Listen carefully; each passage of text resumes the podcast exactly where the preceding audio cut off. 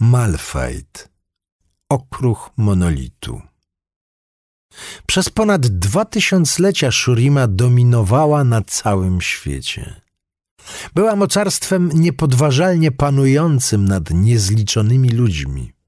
Tak było do dnia upadku Ikati.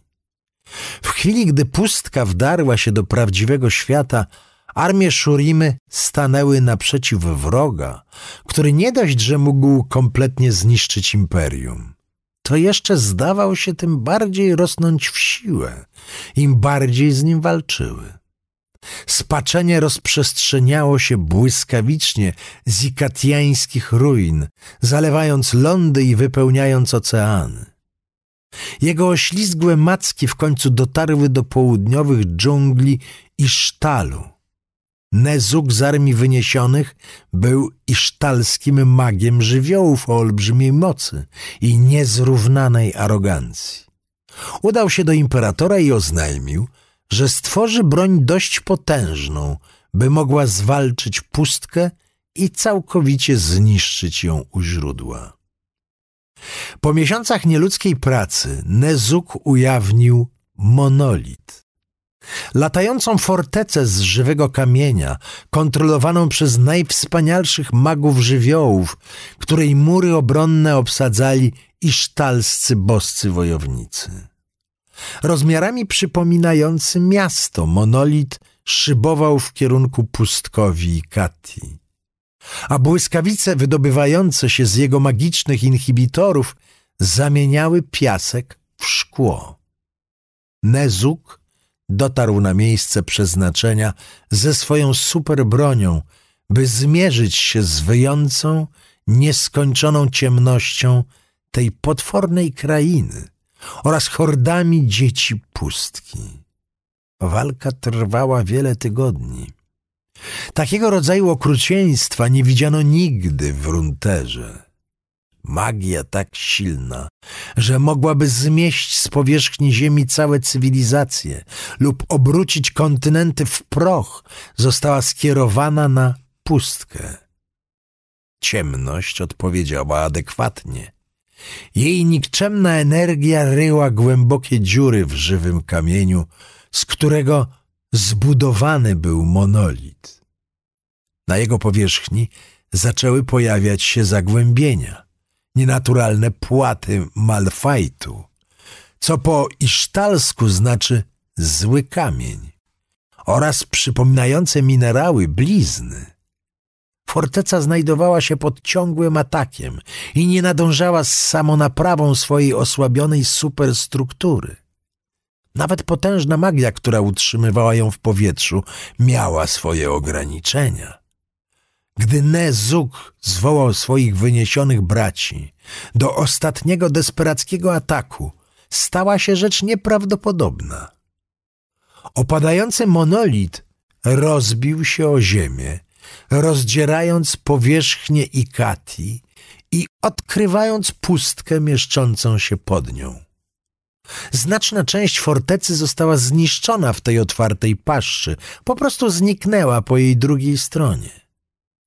Pozostała część opadła niczym wielka ruina, zasnuwając krajobraz zniszczony przez straszliwe, znagła przerwane starcie. Przetrwał tylko jeden z wyniesionych, Ne Zuk. Wydostał się z wraku, krztusząc się pyłem z resztek tego, co miało być jego największym triumfem, a zostało porażką zbiegł, próbując ujść z życiem. Wbrew wszelkiemu rozsądkowi niektóre kawałki monolitu wytrzymały katastrofę, a w ich wnętrzu tliło się magiczne życie. Odrzucone daleko odłamki próbowały się uzdrowić i odtworzyć to, czego częścią do niedawna były. Nieskończony głód pustki pożerał je pozostawiając tylko niewielkie kształty delikatnie drżące w pyle. Wbrew wszelkim przeciwnościom, jeden odłamek pozostał jednak cały. Zakopany głęboko pod ziemią i zapomniany nawet przez mieszkańców otchłani, powoli gromadził siły. Przetrwał i po wielu wiekach przebudził się, zdając sobie sprawę, że był sam. Wiele czasu minęło od tego strasznego dnia i Malfajt, ostatni odłamek monolitu, stał się jedną z legend Runtery. Podobno widziano go wszędzie, od Targonu aż po Zaun. Czasami słychać jego głośne ryki w głębokich jaskiniach, a czasami ciche nucenie, jakby wspominał dźwięki ze świata niegdyś mu znanego. Mimo, że istniał tak długo, to zapał rozpalony w nim przez Nezuka podczas tworzenia monolitu nie osłabł. Malfight wie, że wkrótce będzie musiał ponownie zmierzyć się z nadciągającą ciemnością, z którą niegdyś walczył, ponieważ pustka ponownie zagraża Runterze. Niko, ciekawski kameleon. Niko urodziła się na odległej i słabo poznanej wyspie, daleko na wschód, na której ostatni członkowie starożytnego plemienia Wastajanów żyli odizolowani od reszty świata. Zwali się Uwikat, a ich rodowód sięgał korzeniami do legendarnych Wastajaszaj Rej, przodków wszystkich Wastajów. Uwikat byli pokojowymi istotami o niezrównanym potencjale. Ich harmonijne społeczeństwo idealnie wtapiało się w wymiar duchowy tak, że ich szoma, duchowa esencja, mogła przeplatać się z innymi istotami na podstawie samej bliskości, a nawet pomagała im naśladować inne fizyczne postaci. Uwikat nie kryli przed sobą tajemnic, ale niewielu z nich było tak ciekawskich, wytrwałych i tryskających energią, jak młoda Niko. Niko wyrobiła sobie upodobanie do zabaw – ukrywając małe przedmioty i myśli w celu sprawdzenia, czy innym udałoby się je odnaleźć. Jej dociekliwy charakter nie znał granic, a ona sama była nieskalana i niewinna. Wiodła szczęśliwe życie. Lecz nie było jej dane tak trwać. Na horyzoncie majaczył kataklizm. Dzięki bystrości i poświęceniu starszyzny Uwikat Niko uniknęła śmierci swego kraju – Niezgrabnie przyjęła postać ptaka i uciekła ognistemu zniszczeniu. Czuła krzyki swoich pobratymców milknące w eterycznej otchłani pomiędzy wymiarami. Po wielu dniach zdesperowana i wyczerpana Niko runęła do morza. Przylgnęła do dryfującego drewna, przez co była całkowicie zdana na łaskę prądów do czasu, aż ujrzała dziwną sylwetkę. Usłyszała głosy niosące się nad falami, więc popłynęła w kierunku tego dziwnego obiektu. Ostatkiem sił wdrapała się na pokład statku, który okazał się być okrętem kupieckim zmierzającym do Harelport. Niko odpoczywała, gdzie tylko mogła, wzywając swoje utracone plemię przez wymiar duchowy. W odpowiedzi wyczuwała jedynie rozpierzchłe, smutne echa i obrazy potężnych, martwych drzew, które znajdowały się gdzieś za delikatnym horyzontem. Gdy Niko zeszła ze statku do miasta, poczuła się, jakby znalazła się w jakimś dziwnym i nieznajomym nowym świecie. Wszystkie zmysły ostrzegały ją, że coś jest nie w porządku. Wiele stworzeń, nawet uwikat, byłoby przerażonych w takiej sytuacji, ale nie Niko. Społeczność, którą zastała, była pełna wyjątkowych osobowości nieznajomych o najróżniejszych pobudkach i kształtach. Było to miejsce niezliczonych opowieści i doświadczeń, które kompletnie ją zafascynowało. Zanim zdążyła się oddalić, została zauważona przez wastajańskiego żeglarza imieniem Kretę. Niko nie rozumiała wszystkich jego słów, a on zażądał od niej odpowiedzi na pytanie, do którego plemienia należała. Wyciągnęła do niego swoją szomę, naśladując jego wyraz twarzy, żeby dać mu do zrozumienia, że ma pokojowe zamiary, ale Kretę nie wyglądał, jakby mu się to podobało. Przytłoczona mrocznymi myślami Niko rzuciła się w tłum, zmieniając swój kształt wielokrotnie, zanim uciekła na dobre. Otoczona bujną, tropikalną roślinnością na terenach za Harelport, Niko zachodziła w głowę nad swoimi niedawnymi przeżyciami. Po prostu nie potrafiła zrozumieć, jak ktoś mógłby polegać wyłącznie na słowach jako formie komunikacji? To wydawało się być takie ograniczające. Szukając ukojenia, przybrała kształt smukłych, dzikich kotów, które napotkała pośród drzew i postanowiła spróbować przyłączyć się do ich stada. Niko uwielbiała bycie szybką i zwinną, a jasne, bystre oczy kotów przypominały jej dom. Dopóki dość niespodziewanie ich przywódca nie zmienił się w piękną i silną, ciemnowłosą kobietę. Po chwili pełnej napięcia owa kobieta przedstawiła się jako Nidali i niechętnie przyjęła Niko do grupy. Niko wahała się z powierzeniem praw Uwikat innym, ale poczuła głęboką bratnią więź z Nidali, ponieważ podejrzewała, że ta zwierzęca łowczyni może być jakimś cudem spokrewniona z Wastajami. Ich przyjaźń kwitła i przez wiele miesięcy razem tułały się po puszczach. Lecz miasteczka i miasta, mimo swoich wad, wciąż przyciągały Niko. Jej przodkowie przyszli do niej w snach i raz po raz pokazywali jej blade gałęzie tamtych martwych drzew. Te drzewa potrzebowały koloru, potrzebowały zakwitnąć na nowo. Niko była tego pewna. Poprosiła swoją przyjaciółkę, by towarzyszyła jej w tej nowej przygodzie, ale Nidali nie dała się przekonać. Załamana, ale zdeterminowana Niko sama wybrała się w podróż.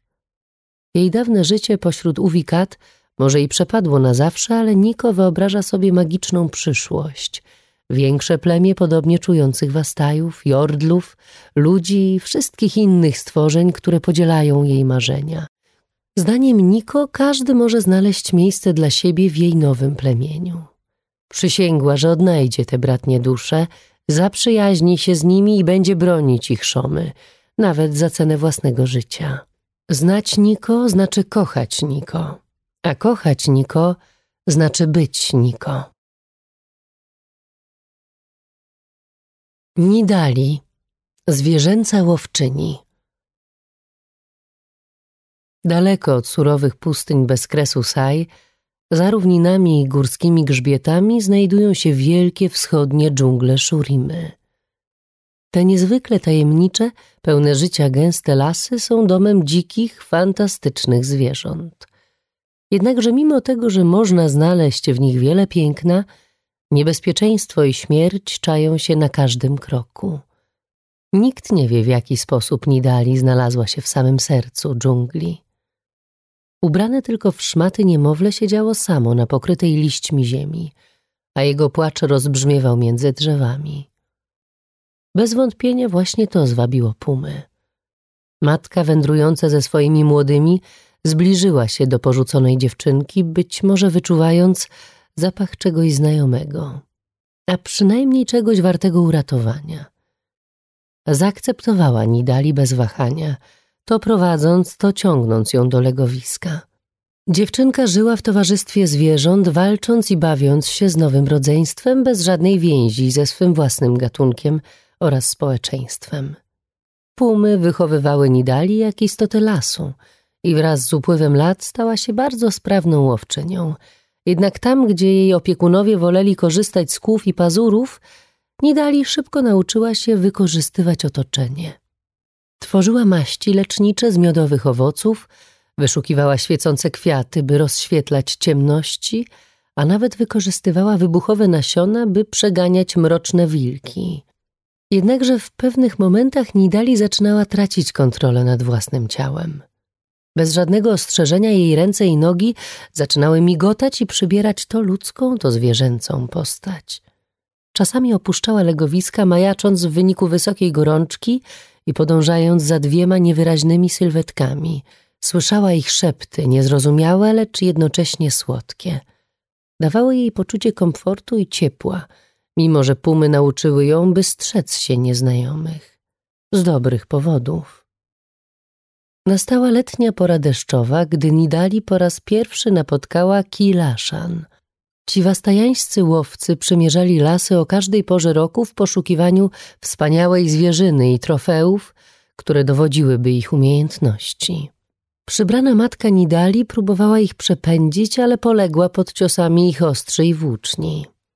Jednakże zanim kilasza nie zdołali wykończyć wiekową pumę, Nidali rzuciła się na nich spośród zarośli, rycząc z żalu i wściekłości. Coś się zmieniło. Poczuła w sobie ducha kotów dżungli i zmieniła się jak nigdy przedtem. Uderzając jako bestia, powaliła najbliższego łowcę ostrymi jak brzytwy kłami, a następnie przybrała ludzką postać i chwyciła jego włócznie. Pozostali kilaszanie warczeli i syczeli na ten widok. Ku swojemu zdziwieniu Nidali była w stanie zrozumieć pewne fragmenty mowy. Przeklinali ją, przywołując imię swoich przodków, Wastaja Shairej, i wycofali się z pustymi rękami. Odrzuciwszy włócznie, Nidali wzięła w objęcie umierającą pumę. Jej rodzeństwo zbliżyło się z obawą, ale przez śmierć matki uznało tę zmiennokształtną istotę za nowego przywódcę. Tego dnia Nidali przysięgła bronić swego nowego domu przed każdym, kto postanowi go zaatakować. Z czasem lepiej opanowała swoją moc i z łatwością mogła zmieniać postać. Być może to pragnienie odnalezienia innych, takich jak ona, doprowadziło ją do wędrującej, przypominającej kameleona Niko i wkrótce stały się sobie bardzo bliskie.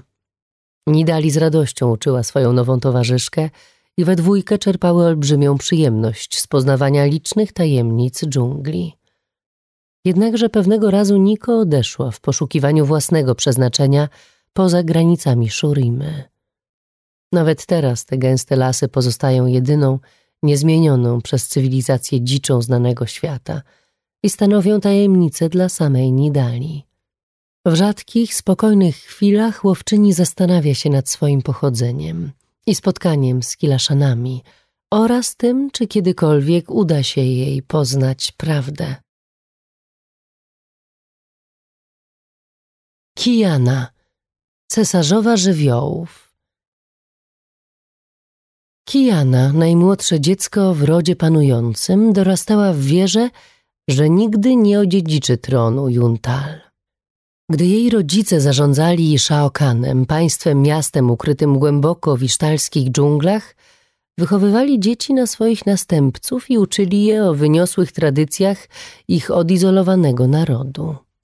Większość uwagi poświęcali dziewiątce starszych sióstr Kijany, które poprzedzały ją w kolejce do władzy, więc często brakowało jej własnego miejsca w rodzinie. Natura owego miejsca stała się jasna w dniu, w którym młoda Kijana zaczęła poznawać pradawną isztalską magię żywiołów. Niedługo po tym, jak rozpoczęła lekcję, zdała sobie sprawę, że została obdarzona nadzwyczajnym talentem. Choć Kijana miała zaledwie siedem lat, opanowywała zaawansowane techniki w przeciągu tygodni, a niektóre jej starsze siostry po latach nauki wciąż nie zaczęły nawet rozumieć ich podstaw. Kijana zaczęła po kolei przeganiać swoje siostry w sztuce magii żywiołów, a im większe postępy czyniła, tym większą urazę chowała. Dlaczego rodzice tak bardzo wysilali się, żeby wychować jej gorsze rodzeństwo? Za każdym razem, gdy wybierano je do sprawowania pieczy nad wielkimi rytuałami, które ukrywały Isztal przed światem zewnętrznym, sfrustrowana Kijana wszczynała walki, żeby udowodnić swoją wartość. Nie minęło wiele czasu, nim Inessa, najstarsza siostra i bezpośrednia następczyni tronu, stała się celem ataków Kijany. Zamiast załagodzić konflikt, Inessa jeżyła się, poirytowana brakiem szacunku siostry, która była od niej o dwanaście lat młodsza. W miarę jak obie dorastały, ich słowa stawały się coraz ostrzejsze, aż wreszcie z ust Inessy padły groźby, a Kijana rzuciła jej wyzwanie. Miały dowieść, która z nich jest silniejsza, drogą rytualnego pojedynku na oczach całego Ishaokanu i tym samym zdobyć prawo do dziedziczenia władzy po rodzicach. Inessa przyjęła wyzwanie, ponieważ chciała nauczyć siostrę nieco potrzebnej jej pokory. Gdy starcie dobiegło końca, Inessa bezpowrotnie straciła zdolność chodzenia, a na kijanie nie było widać najmniejszego draśnięcia – nie mogła się doczekać, aż zajmie miejsce prawowitej dziedziczki, lecz czyny córki doprowadziły jej rodziców do furii. Odmówili jej nagrody. Wedle tradycji Kiana miała zawsze być dziesiąta w linii dziedziczenia tronu Juntal. Choć te wieści były przykre, Kiana wkrótce odkryła, że pojedynek rozsławił jej wspaniałe umiejętności na cały Ishaokan. Wreszcie odnalazła to, czego od dawna łaknęła – szacunek. Szybko uzależniła się od niego. Czuła palącą potrzebę bycia wyróżnianą za swój nadzwyczajny talent. Najlepiej byłoby, gdyby cały Iszaokan pysznił się razem z nią i podporządkował sobie cały świat dzięki potężnej magii żywiołów. Zamiast tego Iszaokanie ukrywali się przed odkrywcami z obcych krain i górnikami, którzy wykorzeniali dżunglę przy ich granicach. Na dworze rodziców Kiana przedstawiła swoje ambicje. Chciała wypędzić górników i przywrócić ziemię do dawnego stanu. Jednakże jej rodzice odrzucili ten pomysł. Kontakt z cudzoziemcami przyniósłby nienawiść, wojnę oraz choroby i zagroziłby temu, czego ich dynastia strzegła od stuleci. Kijana burzyła się, gotowa pokazać swoją siłę całemu światu i zdeterminowana, by udowodnić swoim rodzicom, że się mylą. Działając przeciwko ich woli, Kijana napadła na intruzów i zabiła wszystkich górników poza jednym. Gdy jego oczy zalśniły jasno ze strachu, Kiana upewniła się, że przekaże jej wiadomość, że opowie wszystkim, w tym jego Piltover, o wielkiej mistrzyni żywiołów, która zniszczyła kopalnię. Wisza okanie Kiana z chęcią przyznała się do rzezi, co rozwścieczyło jej matkę i ojca. Powiedzieli jej, że kupcy z Piltover wysyłają do dżungli nowych górników i żołnierzy. Nie mieli zamiaru ryzykować, że ich nieposłuszna córka przyciągnie jeszcze więcej cudzoziemców do ich granic – więc z żalem kazali wtrącić ją do więzienia za popełnioną zbrodnię. Gdy ją zabierano, wielu nadwornych mistrzów żywiołów stanęło w jej obronie. Talent, jakim wykazała się w dżungli, był wręcz niesłychany, dlatego przekonali jej rodziców, że powinna wspomóc ich we wzmacnianiu i bronieniu miasta. Kijana została wypuszczona na wolność dopiero, gdy po raz kolejny przysięgła lojalność matce oraz ojcu i obiecała, że jej drogi nigdy więcej nie skrzyżują się z żadnym cudzoziemcem. Coraz więcej zwolenników opowiada się za Kijaną, a ona wreszcie uświadomiła sobie, jakie jest jej prawdziwe miejsce w świecie. Dzierży potęgę silniejszą od tradycji i za wszelką cenę będzie walczyć o czołowe miejsce w kolejce do tronu. Jest największą mistrzynią żywiołów, jaką kiedykolwiek widział świat. Niechybnie zostanie władczynią Iszaokanu i cesarzową całego Isztal. Rengar, łowca. Rengar to dziki wastajański łowca trofeów, który żyje dla polowań na niebezpieczne stworzenia. Przemierza świat w poszukiwaniu najstraszniejszych bestii, jakie może znaleźć. Szczególnie zależy mu na śladach Kaziksa, stworzenia z pustki, które pozbawiło go oka.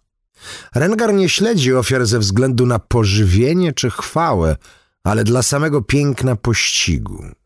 Rengar urodził się w plemieniu Wastajów zwanym Kilasz, którego członkowie wielbili honor i chwałę, jakie dają polowania. Rengar był najsłabszy w miocie Pondżafa, wodza plemienia. Pondżaw uważał, że Rengar nigdy nie będzie dobrym myśliwym, ze względu na swój niewielki rozmiar. Ignorował swoje dziecko, licząc, że Chuchro umrze z głodu. Koniec końców młody Rengar uciekł z obozu zawstydzony, że rozczarował ojca. Przez wiele tygodni żywił się robakami i roślinami, aż pewnego dnia niemal stał się ofiarą legendarnego ludzkiego myśliwego, który zwał się Markon. Gdy ten zobaczył jednak, w jakim stanie znajdował się Rengar, zlitował się nad nim i pozwolił mu żyć. Poza tym nie był to dzielny wastajański wojownik godny ostrza Markona. Rengar spędził wiele miesięcy podążając za nim i żywiąc się zwłokami, które ten zostawiał za sobą. Marzył o tym, aby pewnego dnia powrócić do swojego plemienia i z tego powodu uważnie obserwował, jak Markon poluje. Po jakimś czasie mistrz miał dość żałosnego kilaszanina, który za nim podążał. Przyłożył Rengarowi nóż do gardła i powiedział, że jedynym sposobem na zostanie myśliwym jest polowanie. Rzucił mu ostrze i kopnięciem posłał go na dno wąwozu, gdzie Rengar po raz pierwszy musiał zabić, aby przeżyć. Od tego momentu Rengar przez lata zmuszał się do nadludzkiego wysiłku. Przemierzał Szurimę w poszukiwaniu najsilniejszej i najgroźniejszej zwierzyny. Mimo, że nigdy nie byłby tak duży jak inni kilaszanie, z determinacją starał się wydobyć z siebie więcej dzikości. Wraz z upływem czasu, zamiast powracać do obozu z coraz to nowszymi bliznami, zaczął przynosić trofea. Wypolerował czaszkę piaskowego jastrzębia na blask. Wpludł zęby wrzaskuna w swoje włosy. Wtedy właśnie uznał, że nadszedł już czas, by powrócić do plemienia. Liczył, że pobratymcy przyjmą go jak prawdziwego łowcę. Pondżaw zadrwił z syna i jego trofeów. Postawił też warunek. Rengar mógł ponownie stać się członkiem plemienia, jeśli przyniesie głowę nieuchwytnego, legendarnego potwora z pustki, znanego jako Kazix. Zaślepiony pragnieniem powrotu do krewniaków, Rengar pozwolił bestii zaatakować się z zaskoczenia. Potwór wyrwał mu jedno oko i uciekł. Wściekły i pokonany Rengar przyznał się do porażki przed Pondżafem. Jak można się było spodziewać, ojciec go wychłostał. Jednak gdy Pondżaf przemawiał, Rengar zauważył, że wszystkie trofea w domu ojca były zakurzone i stare. Wódz nie polował od dawna. Prawdopodobnie wysłał syna za Kaziksem, ponieważ sam za bardzo się bał. Przerwał więc ojcu i nazwał go tchórzem. Wielu kilaszan miało szczęście posiadać silne ciało albo wygodny dom.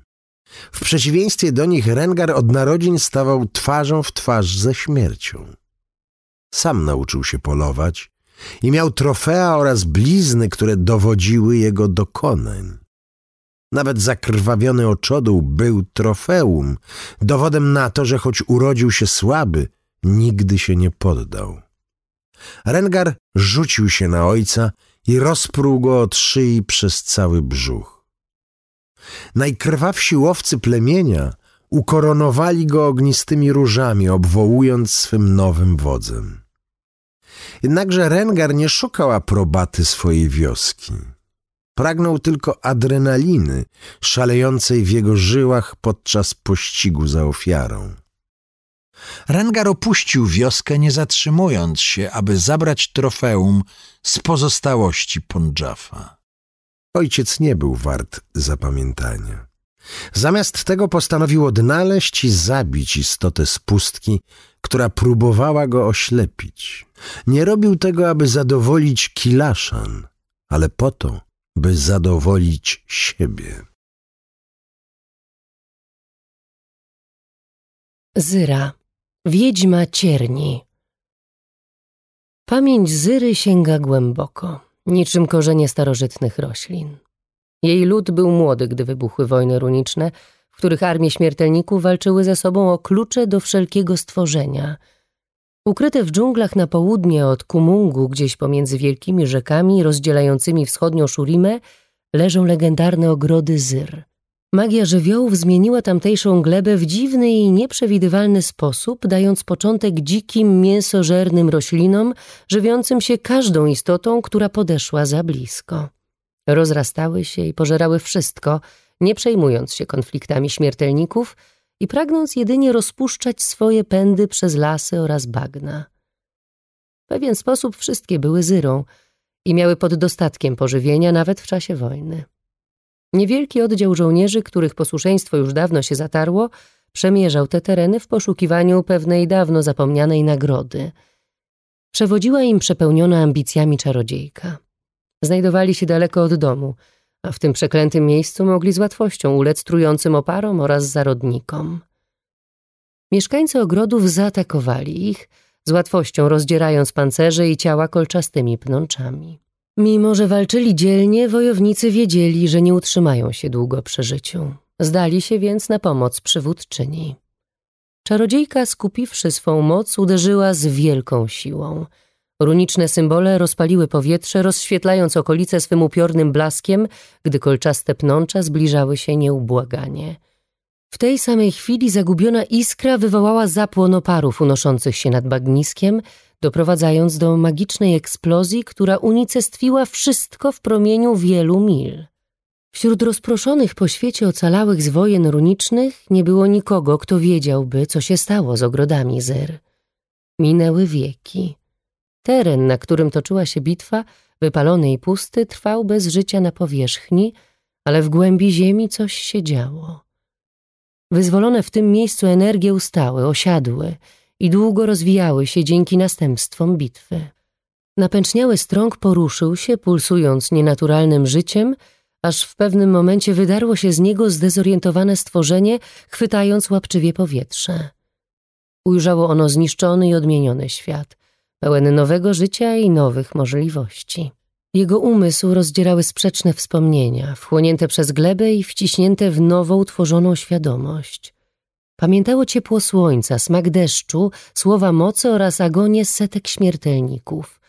Ono, ona, nazywała się Zyrą, nie do końca pojmując dlaczego.